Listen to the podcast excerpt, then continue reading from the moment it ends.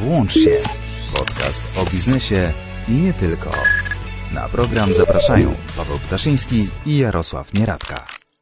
W ten jakże piękny czwartek, na który wszyscy oczywiście y, z utęsknieniem czekaliśmy, kłaniamy się nisko i możemy się znowu przywitać y, w podcaście Włącz się. To jest podcast o biznesie y, i nie tylko, a o biznesie i nie tylko rozmawiać dzisiaj będą Paweł Ptaszyński, CNW Media i GoCast ze studia GoCast w Zielonej Górze. Kłaniam się nisko.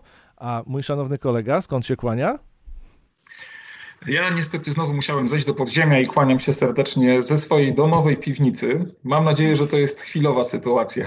W której nie tańcowali zbójnicy. A dzisiaj y, bardzo miło nam gościć y, w, w, naszym podcaście kogoś, kto na handlu y, w sieci zna się jak nikt. Możemy z dumą przedstawić Sylwię Mager, CEO e-commerce Connections, która pod Poznaniem na nas już czeka, żeby z nami porozmawiać.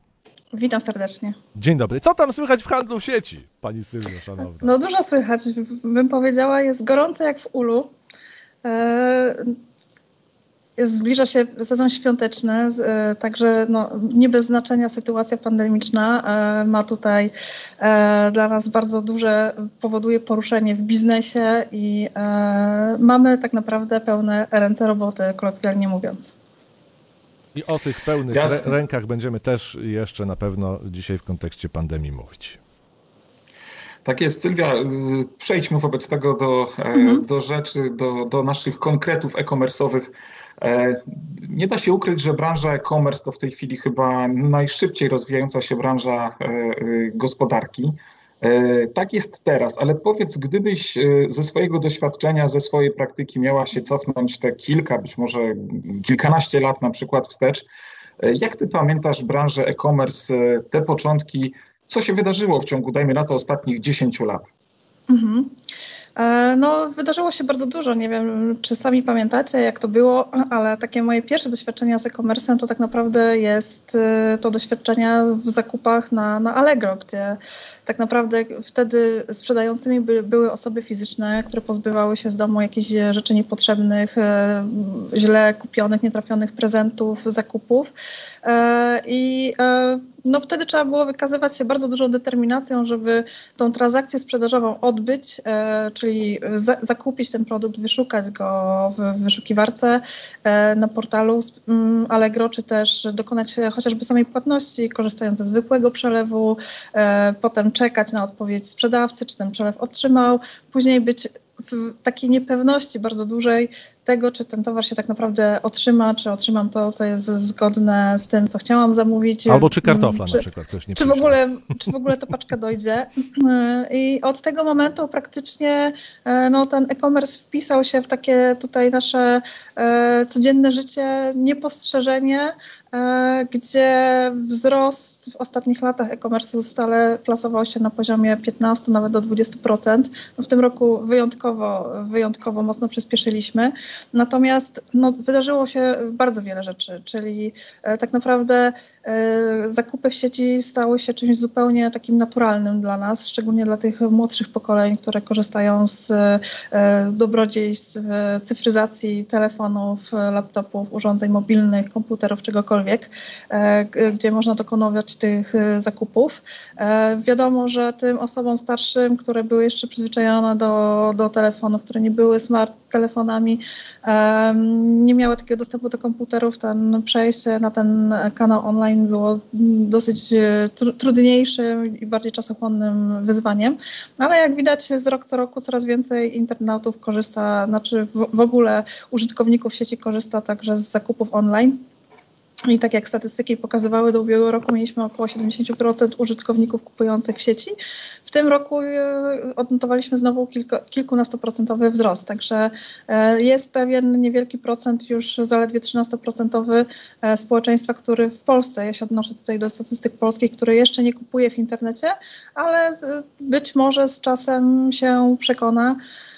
Do tej formy zakupów i być może akurat też sytuacja pandemiczna będzie tym takim czynnikiem, który, który trochę zmusi ich do tego, bowiem, albowiem też to, co jest jednoznacznie widać na rynku, to to, że wzrosły o 40% zakupy takich produktów spożywczych, czego wcześniej, mhm. wcześniej nie były tak popularne. One tak i tak stanowią zaledwie 1% całej sprzedaży online, ale jest to znaczący wzrost, jeżeli chodzi o, te, o, o ten sektor e, sprzedaży. Tu już parokrotnie, jeżeli, jeżeli mogę jeszcze mhm. dopytać, tu już parokrotnie tak. oczywiście powiedzieliśmy sobie, że ten moment, tej, że moment pandemii to jest taki, mhm. taki, e, e, taka chwila dla handlu w sieci, że no idzie to jak skocznia na ciaska w drugą stronę, mhm. prawda, że rośnie. A czy podczas ostatnich 10 lat też był jakiś taki moment, w którym skokowo e, mogliśmy zobaczyć taki dynamiczny, gwałtowny przyrost e, korzystania z tego typu usług w internecie? W zasadzie, szczerze mówiąc, y, nie, nie odpowiem na to pytanie, mm, albowiem ja śledzę tak naprawdę y, cały e-commerce zaledwie od kilku lat, y, czyli tak naprawdę kiedy już funkcjonują sklepy internetowe sensu stricte, że nie są to tylko platformy, takie marketplace typu Allegro, ale też takie sklepy internetowe, marki własne, gdzie sprzedawcy prowadzą niezależną sprzedaż, bowiem no, wszystko ma swoje plusy i minusy. Warto sprzedawać na marketplace'ach, ale warto też e, budować własną, własny brand, własną świadomość tutaj wobec klientów swojego sklepu internetowego. Mm, no, stało się to pewnym, na pewien moment pewnym elementem przewagi tutaj konkurencyjnej. Mimo wszystko w, w, w sprzedaży w sieci, w internecie takim głównym czynnikiem konkurencyjnym jest cena. E, więc tutaj ten wyścig no, jest dosyć morderczy dla, dla sprzedawców, jeżeli chodzi o konkurowanie ceną. E, no i zazwyczaj potrzeba podejmować jakieś takie próby mm, stworzenia własnego DNA, stworzenia własnej relacji z klientem, e, a wiadomo, że w takich czasach, gdzie nie mamy tego bezpośredniego klient, kontaktu z klientem, to bardzo trudno utrzymać jakiekolwiek relacje, zatrzymać tego klienta w sklepie i wszystko, co się może nie powieść podczas podczas e, zawierania transakcji, e, podczas zakupów online, no może spowodować, że ten klient do nas już nie wróci. Więc to, co się tak naprawdę wydarzyło w ostatnich pięciu latach i to jest taki skok, to jest ten skok technologiczny, gdzie e, bardzo dużo jakby narzędzi marketingowych weszło do użytku, które pozwalają dotrzeć do klienta, ale też, co jest bardzo istotne, teraz badanie tych zachowań konsumentów, czyli cała analityka stojąca za sklepem internetowym o tym, jak długo E, konsument spędza czasu na danej stronie internetowej, czego najczęściej wyszukuje, jak długo dokonuje zakupów, e,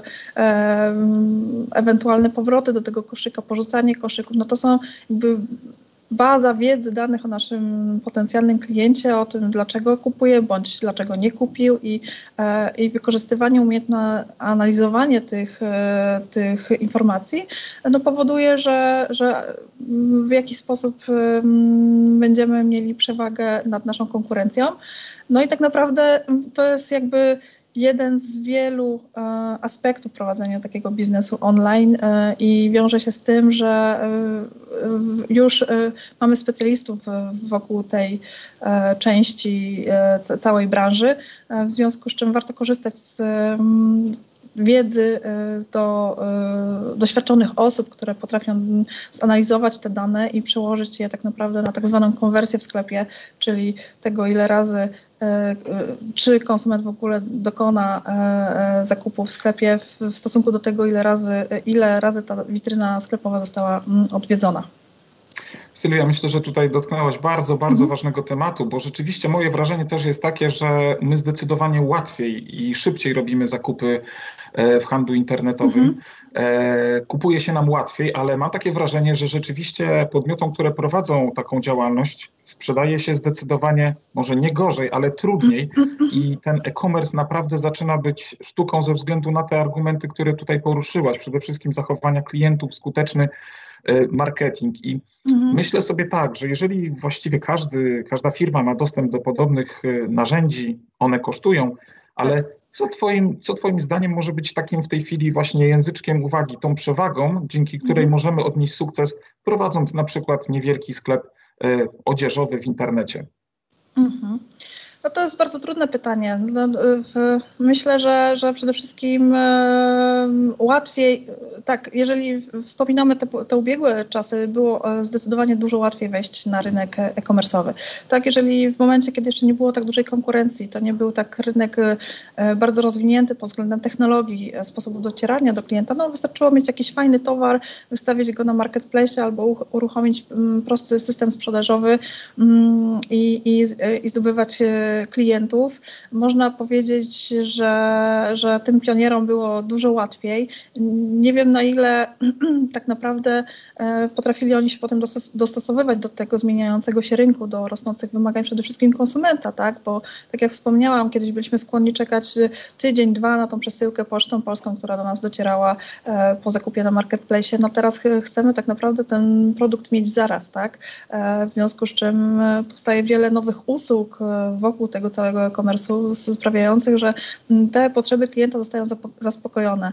I to, co mogą robić mniejsi gracze, to tak naprawdę budować jakieś relacje z, z klientami poprzez właśnie um, nawiązywanie tej relacji poprzez fajne opakowanie, na przykład y, dbałość y, tego zapakowania y, produktu, wysyłki, czas i kontakt to są różnego rodzaju narzędzia marketingowe, jak e-mail marketing, kontakt posprzedażowy i wszelkie rozwiązywanie takie problemów, wątpliwości klienta w taki sposób, że może ta, ten produkt nie będzie najtańszy, może znajdę na marketplace czy w innym miejscu pięć pięć innych takich samych i może troszeczkę tańszych, ale po prostu lubię po prostu kupować w tym sklepie, bo, bo dostaję fajny gratis na przykład do paczki e, albo spersonalizowaną e, karteczkę z pozdrowieniami i to jest coś, co w, w pierwszym takim odczuciu klienta, który otrzymuje paczkę, no powoduje taki efekt,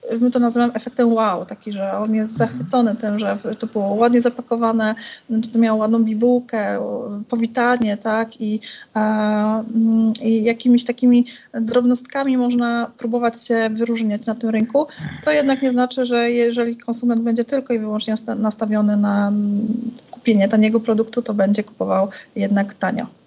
No okay. Ale to też właśnie. Mhm. Mhm. Zależy właśnie, właśnie od sektora, od branży, no bo jeżeli mówimy o produktach commodity, to tam zawsze wygrywa cena. Jeżeli chodzi o produkty już bardziej niszowe, e, czy to będzie fajna herbatka, kawa, palona i będziemy wchodzić w takie bardzo, bym powiedziała, nawet rzemieślnicze tematy, to, to mamy szansę budować tak swój brat. I to są takie dwa trendy. Albo jesteśmy na marketplace i e, jesteśmy wśród wielu sprzedawców, ale mamy szansę dotrzeć naprawdę do, do, do milionów odbiorców, albo po prostu docieramy do mniejszej grupy, ale bardziej lojalnych konsumentów. Ja chciałem tutaj jeszcze jedną rzecz dopowiedzieć do tego, o czym, o czym powiedziałaś ty, Jarek. E, mianowicie, no wiadomo, e, kiedyś było łatwiej się przebić. Dzisiaj konkurencja jest trochę y, większa, natomiast y, warto też wspomnieć o tym, że dzisiaj sprzedawać y, w internecie ze względów technologicznych i także logistycznych jest dużo łatwiej, bo po pierwsze branża transportowa się rozkręciła, branża logistyczna świadcząca usługi fulfillment, tak jak wy na przykład, to mhm. dzisiaj to jest marzenie dla tych, którzy w, w, w handlu w online siedzą albo dopiero zaczynają. Mhm. Tak, zdecydowanie. Możemy powiedzieć o tym, że tak naprawdę, jeżeli ktoś potrafi się posługiwać smartfonem, to tak na, przez kilka kliknięć chociażby mar e, jakiś marketplace Facebooka może sprzedawać, tak? I e, są różnego rodzaju brokerzy usług e, zrzeszonych różnych e, firm kurierskich, którzy oferują, że nawet po niewielką, ilo niewielką ilość paczek są w stanie podjechać i odebrać do, do, do nadawcy. E, I tak naprawdę tych punktów nadań to nie jest tak, że teraz firma kurierska jest zlokalizowana na, na obrzeżach miastach i gdzieś tam trzeba jechać. No można tą paczkę zawsze gdzieś tutaj blisko podrzucić i e, to nie stanowi problemu. E, tak samo jeżeli chodzi o płatności. Natomiast, e, natomiast jeżeli o, o tym biznesie trzeba myśleć tak naprawdę bardzo długofalowo, tak? Czy, czy to za chwilę nie przekroczy moich możliwości, czy to jest tylko traktuję jako hobby, stawiam sobie jakoś tam powiedzmy drugą nogę biznesową, a jestem na etacie i w ten sposób sobie zaczynam i zobaczymy, co z tego wyjdzie, czy też myślę o tym poważnie i, i docelowo traktuję mm, ten biznes jako coś, co będę w przyszłości w życiu robić. No i tutaj należy naprawdę podejmować wiele różnych decyzji. Do wyboru mamy oczywiście mnóstwo technologii, to jaką wybierzemy, to też musimy się zastanowić, czy ona będzie nam służyła w przyszłości, jakie koszty z nią będą związane i ile możliwości ona nam da, albo jakie będziemy mieli z tym związane ograniczenia w przyszłości. Ale tak, wejście na rynek, jeżeli chodzi o e-commerce, jest no, stosunkowo łatwe. Mhm. E, jest tak łatwe, że e, w bardzo krótkim czasie mm, firma pochodząca z państwa środka, czyli z Chin, mhm. AliExpress, tak. no podbiła, można powiedzieć, e, handel internetowy na całym mhm. świecie i także bardzo mocno rozpycha się w Polsce. Mało tego, ostatnio dowiedziałem się, że AliExpress sponsoruje na przykład jedną z drużyn sportowych, tak, piłki tak. nożnej. Mhm. To widać, że na pewno te plany ekspansji giganta z Chin są bardzo poważne. Mhm. I teraz e, powiedz mi, mm, czy, czy to nie stanowi jakiegoś naprawdę zagrożenia dla naszego handlu, zwłaszcza biorąc pod uwagę to, że AliExpress na przykład funkcjonuje jednak w trochę innym otoczeniu e, podatkowym i mało mhm. tego jest bardzo mocno wspierane przez e, chiński rząd. E, mhm. Pytanie do Ciebie, czy na przykład zauważyłaś jakieś takie ruchy, które mogą świadczyć również o wspieraniu E, rozwoju e, handlu w naszym kraju przez instytucje rządowe. No i mhm. wreszcie pytanie, czy mamy szansę obronić się przed taką dominacją tego giganta z Chin? Mm, e, no to odpowiadając y, może troszeczkę nie po kolei, jeżeli chodzi o wsparcie tutaj e-handlu przez instytucje rządowe, to no, takich y, działań nie zauważyliśmy. To jakby to są raczej, bym powiedziała, działania w sektorze prywatnym, które wspierają e, zarówno centra fulfillmentowe w ramach inwestycji, w ich rozwój, e, także jakby dotacje finansowe z Unii Europejskiej, które można w jakikolwiek sposób pozyskać na, na wspieranie tego rodzaju biznesów, ale przez raczej przez konsorcja, tak jak nasze konsorcjum wspiera mniejszych graczy, ten sektor MŚP na rynku i e, dzięki temu możemy w atrakcyjnych cenach oferować ten fulfillment mniejszym sklepom, dla których wyobrażenie o fulfillmencie, o takiej logistyce poważnej dla sklepu internetowego czasami jest, e, bym powiedziała, taką troszeczkę barierą. Wydaje się, że to są duże koszty, jakieś wymagania, które, które powodują, że nie każdy jest przekonany do tego sposobu współpracy z centrum logistycznym i do dystrybucji dystrybuowania swoich produktów. Natomiast jeżeli chodzi e, o sam e-commerce i e, na, w Azji, no to powiedziałabym, że to jest rynek bardzo przez nas niedoceniony. Tam się w ogóle to jest moja ocena prywatna, ten rynek azjatycki kojarzy się z takim e, taniością, tandetą, e, no niekoniecznie czymś fajnym, i, e, mm, ale ze względu na właśnie tą cenę, no Polacy często sięgają po zakupy na AliExpress za koszt tego tak naprawdę, za cenę tego, że ta przesyłka bardzo długo do naszego kraju dociera, a po drugie nie zawsze właśnie mamy tą pewność, czy dostaniemy to, co otrzymamy, a z doświadczeń moich i, i, i również takiego bliskiego grona znajomych, to, to różnie z tą przesyłką, z, z tą dostawą bywa. Mm, e, e, no ceny są kuszące na pewno i e, no przede wszystkim to, czego AliExpress nie robi, to nie respektuje tutaj rozporządzeń, jeżeli chodzi o handel internetowy w Polsce, także w Europie, więc wiele krajów się przed tym wzbrania, żeby, żeby wpuścić tego giganta na, na nasz rynek, aczkolwiek no nie, nie, nie powiem, że akurat AliExpress jest tutaj e, największym gigantem na rynku azjatyckim, bo z ostatnich badań wynika, że wśród takiej czwórki e, tych największych top e, retailerów na, na, na, na rynku e, e-commerce to jest Jingdong tak naprawdę, e, który, który dosyć prężnie, prężnie e, inwestuje na swoim rodzimym rynku. Bym powiedziała, że ma aspiracje Amazona, bo oni nawet planują jakieś e, lotniska dla dronów do, do rozwożenia paczek i też w te technologie takie e, robotyzacji wchodzą bardzo chętnie. Natomiast, natomiast nie wiem na ile będzie to realne, żeby takie giganty na nasz rynek weszły. E, na razie się wydaje to być e, odległy temat. E, z drugiej strony rynek azjatycki bardzo szybko się rozwija. On jest w zasadzie 80% większy niż rynek amerykański i w związku z tym, że ostatnio też dosyć mocno i wykształcenie, poziom wykształcenia wzrósł w Azji, jak i dochody Azjatów, to oni bardzo chętnie sięgają coraz chętniej po marki właśnie z naszego rynku, z europejskiego czy też amerykańskiego e, i tam w zasadzie rośnie e, też, rosną wymagania konsumentów, w związku z czym być może e, możemy się spodziewać tego, że jakość tych produktów wzrośnie, ale też cena wzrośnie i być może oni nie będą już tak bardzo atrakcyjni dla naszego rynku, jak są teraz.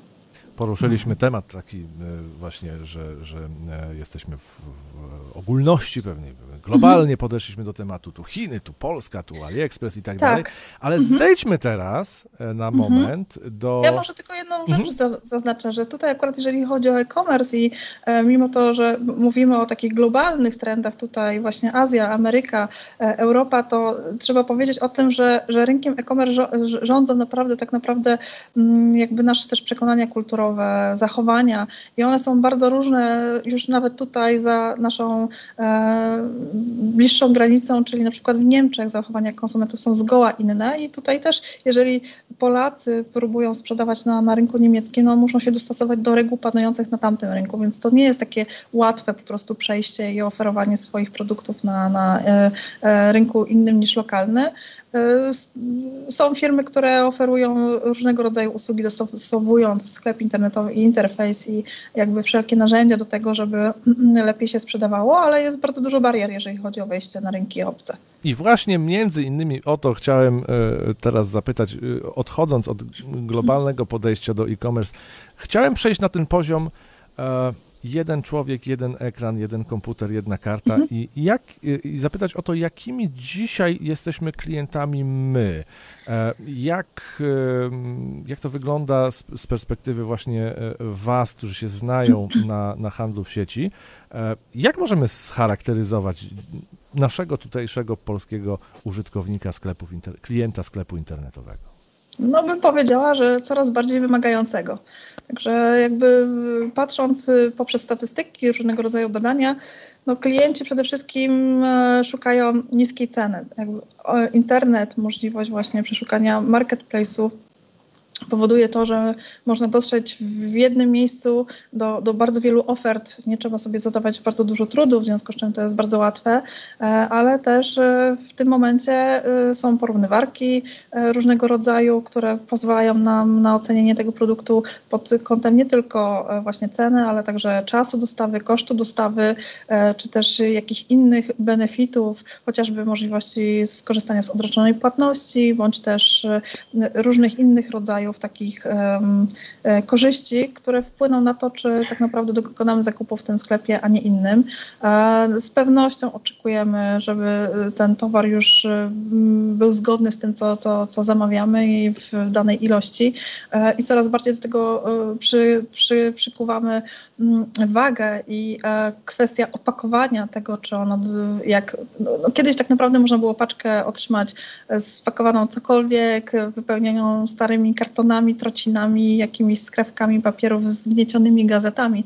Dzisiaj praktycznie to jest, bym powiedziała, fopa, jeżeli chodzi o wysyłkę e, takiego towaru ze sklepu internetowego. Nieważne, czy to e, sprzedawca e, tak zwany garażowy, czy już po korzystający e, z dużego e, swojego magazynu, czy też właśnie outsourcingu, ale jakość tego opakowania, żeby ono dotarło całości, żeby klient nie musiał się martwić reklamacją, e, składaniem jakichś tam wyjaśnień w firmie kurierskiej i ograniczenie tych wszystkich interakcji zbędnych są coraz większe i Mm, no też ten czas dostawy, koszt dostawy to są takie bardzo, bardzo ważne dla nas czynniki determinujące e, to, gdzie dokonujemy tego zakupu. A jeżeli jeszcze, mogę, jeszcze na moment się... jeżeli mogę jeszcze dopytać do, do, tego pytania, a jeżeli chodzi o, powiedziałeś o preferencjach, o tym, mhm. o upodobaniach i tak dalej, a jeżeli chodzi o taki czysty, czysto techniczny, taki statystyczny obraz e, polskiego klienta mhm. sklepów online, e, w kontekście tego, o czym już wcześniej powiedziałeś, czyli o user experience, e, mhm. e, jak wyglądamy, jeżeli chodzi właśnie o, o tę działkę? Czyli na przykład, ile, czy, czy mamy jakieś statystyczne dane na temat tego, ile czasu spędza polski klient sklepu online, zanim kliknie e, e, zapłać, zamów i zapłać, e, ile na przykład jak często porzuca koszyk i tak dalej. Takie tego typu techniczne, techniczne rzeczy. Bardzo mnie to ciekawi. No, to tutaj tak, to, to odsyłałabym do, do corocznego jakby raportu e-commerce. Ja szczerze mówiąc nie pamiętam tych statystyk dokładnie, odkąd już tak naprawdę weszliśmy bardzo mocno w logistykę i w to, co wydarza się u nas w magazynie i, i to jakie doświadczenia klient będzie miał na końcu, otrzymując paczkę, paczkę od nas. Natomiast, natomiast coraz chętniej na pewno przechodzimy do tak zwanego mobilu, czyli e, także w Polsce nasi, nasi konsumenci e, coraz częściej dokonują zakupów poprzez urządzenia mobilne.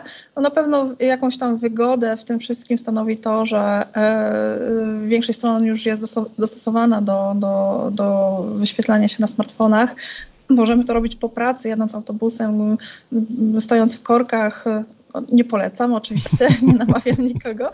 Natomiast, natomiast tak jest, że jednak e, większy ruch e, jest właśnie w tychże godzinach, gdzie, gdzie już albo w pracy przed poranną kawką, albo już, już po południu i w godzinach wieczornych, gdzie dokonujemy zakupów i możemy to zrobić e, bez korzystania z, z laptopa czy innego rodzaju właśnie takiego komputera stacjonarnego na przykład. E, I e, no, na pewno jakby kwestia płatności, te aplikacje wszystkie mobilne banków, to, że możemy sobie to wszystko podpinać, karty, e, nieważne czy my na przykład zaczęliśmy robić zakupy właśnie jeszcze na laptopie w pracy, przeglądając oferty, one zostają sobie w koszyku, możemy je przejrzeć i tak naprawdę już po południu zdecydować się na to, czy dokonujemy zakupu i paroma kliknięciami na telefonie dokonać, dokonać transakcji.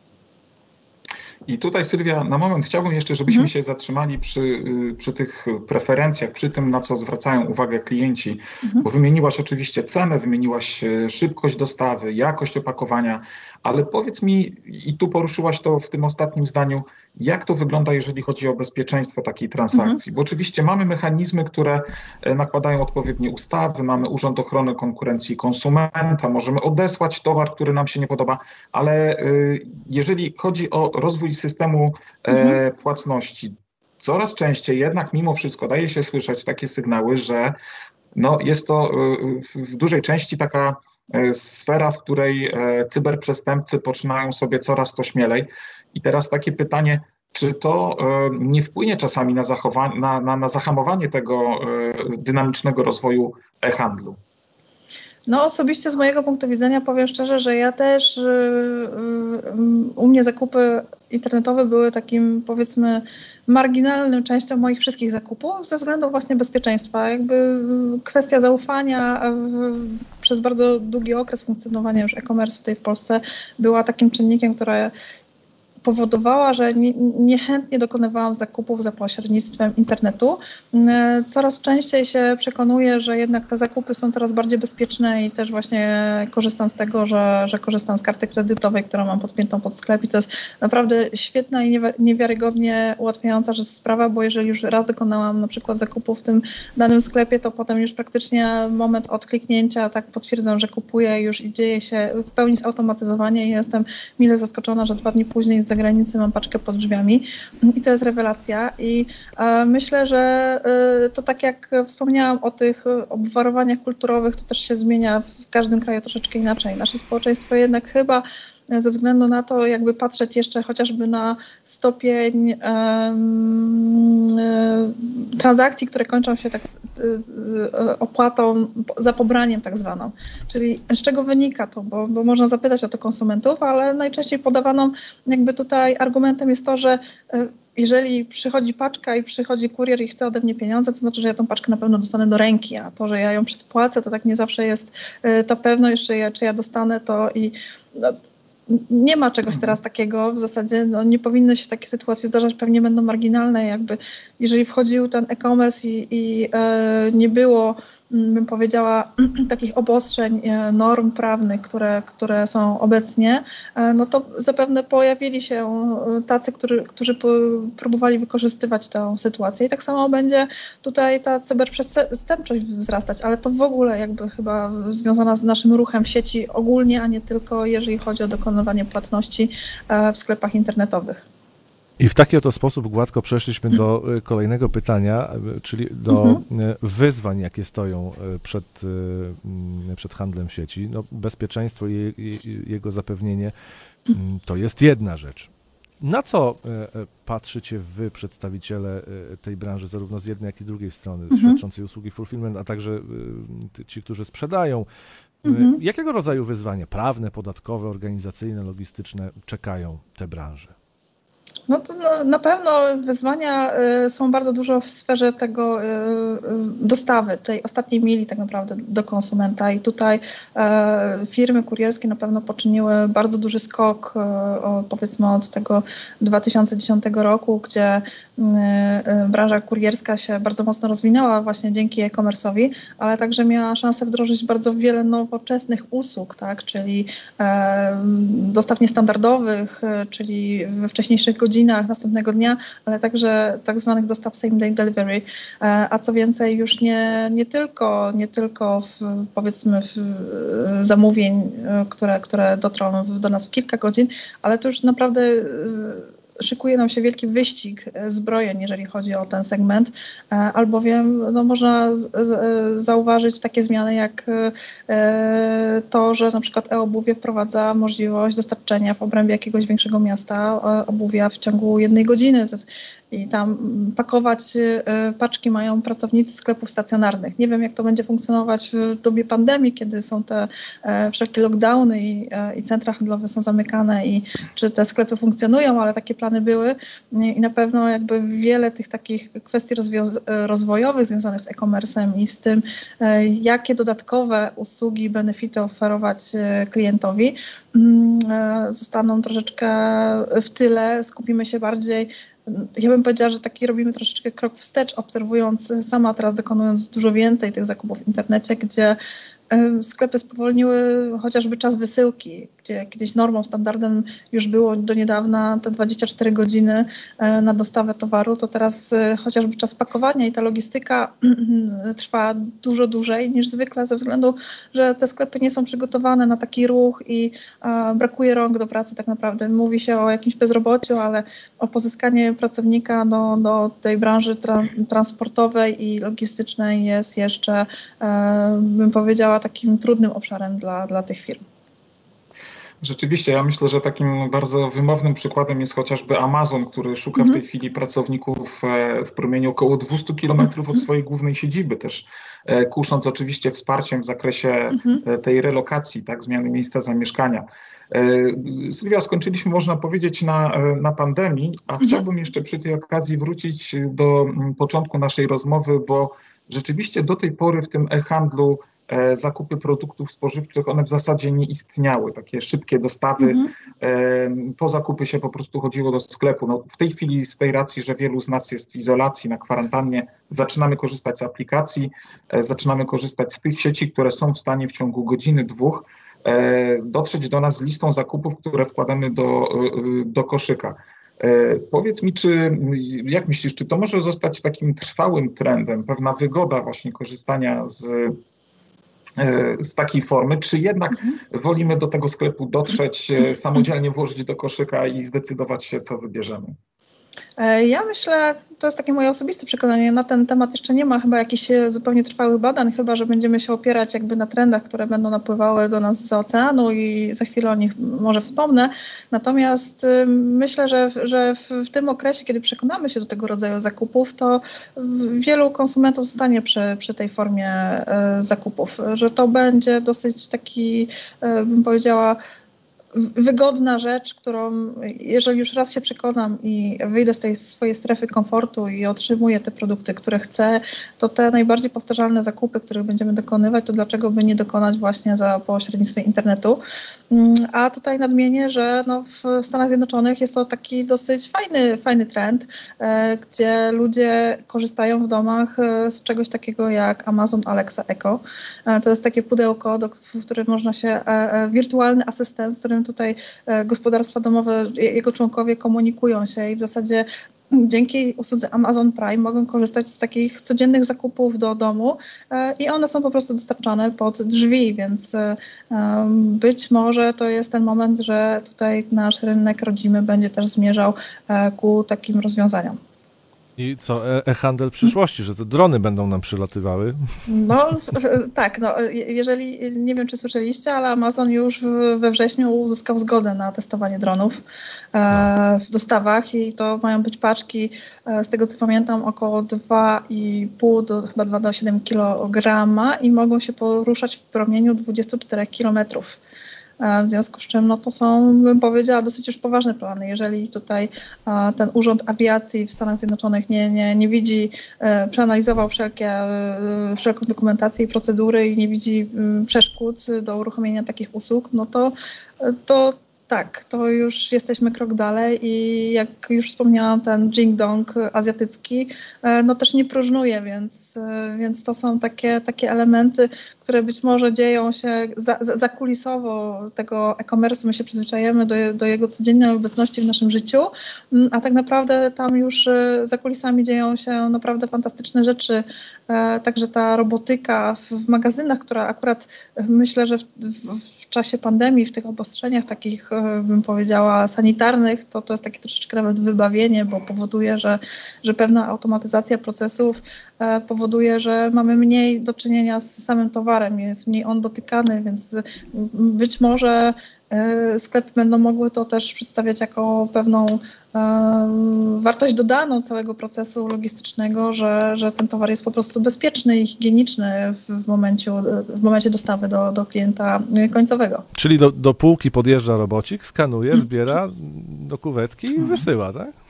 Jeszcze jest tutaj z tego, jeszcze takiego robota nie wiedziałam, który sobie by sam zabrał, ewentualnie może zabrać cały regał, tak jak roboty Kiwa w Amazonie e, mogą przewieźć regały.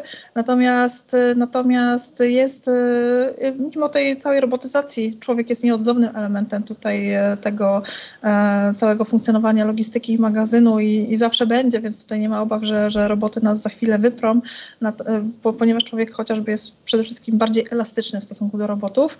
Natomiast, y, natomiast y, można gros pracy w takim magazynie w logistyce zautomatyzować i ograniczyć e, ilość tych procesów, e, szybkość tych procesów, e, zredukować do, do minimum i, mm, i w zasadzie ograniczyć manipulację towarem przez, przez człowieka. To tylko e, niewielki e, skrawek waszej działki, waszej e, mhm. branży i tego, co mm, w ramach handlu w sieci się dzieje.